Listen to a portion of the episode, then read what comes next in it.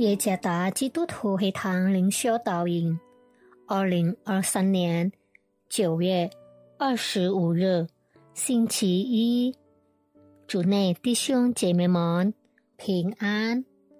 今天的灵修导引，我们会借着圣经腓立比书第一章二十二上半节来思想今天的主题。结果子的生命，作者沈天良传道，腓立比书第一章二十二上半节。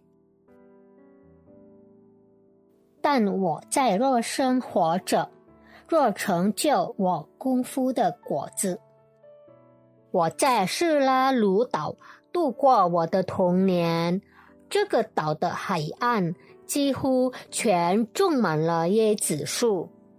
椰子树是非常有用的植物，吃椰子的人都知道果肉、果汁的美味，叫人精神清新。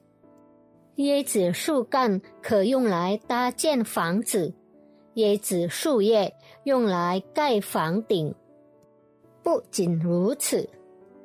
很有趣的是，海水冲走了椰子，什么时候它搁浅在海滩或陆地，新的椰子树就长出来，然后就结出果子。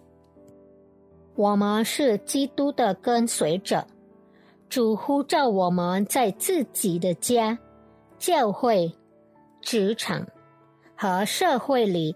结出果实，给大家带来正面的影响。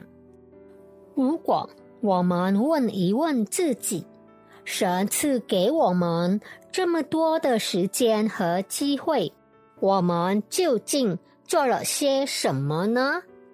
我们有没有结出好的果子？我们有没有带给大家正面的影响呢？还是？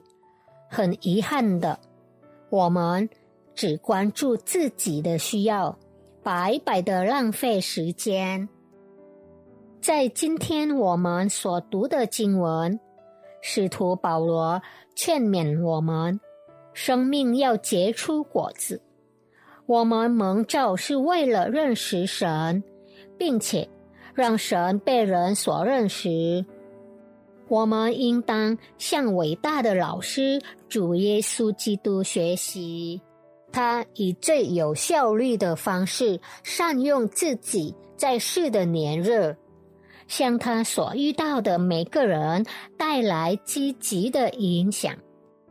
祝愿我们成为别人的祝福，也祝愿主耶稣赐福给他们。从今天开始，我立志成为大家的祝福。愿上帝赐福大家。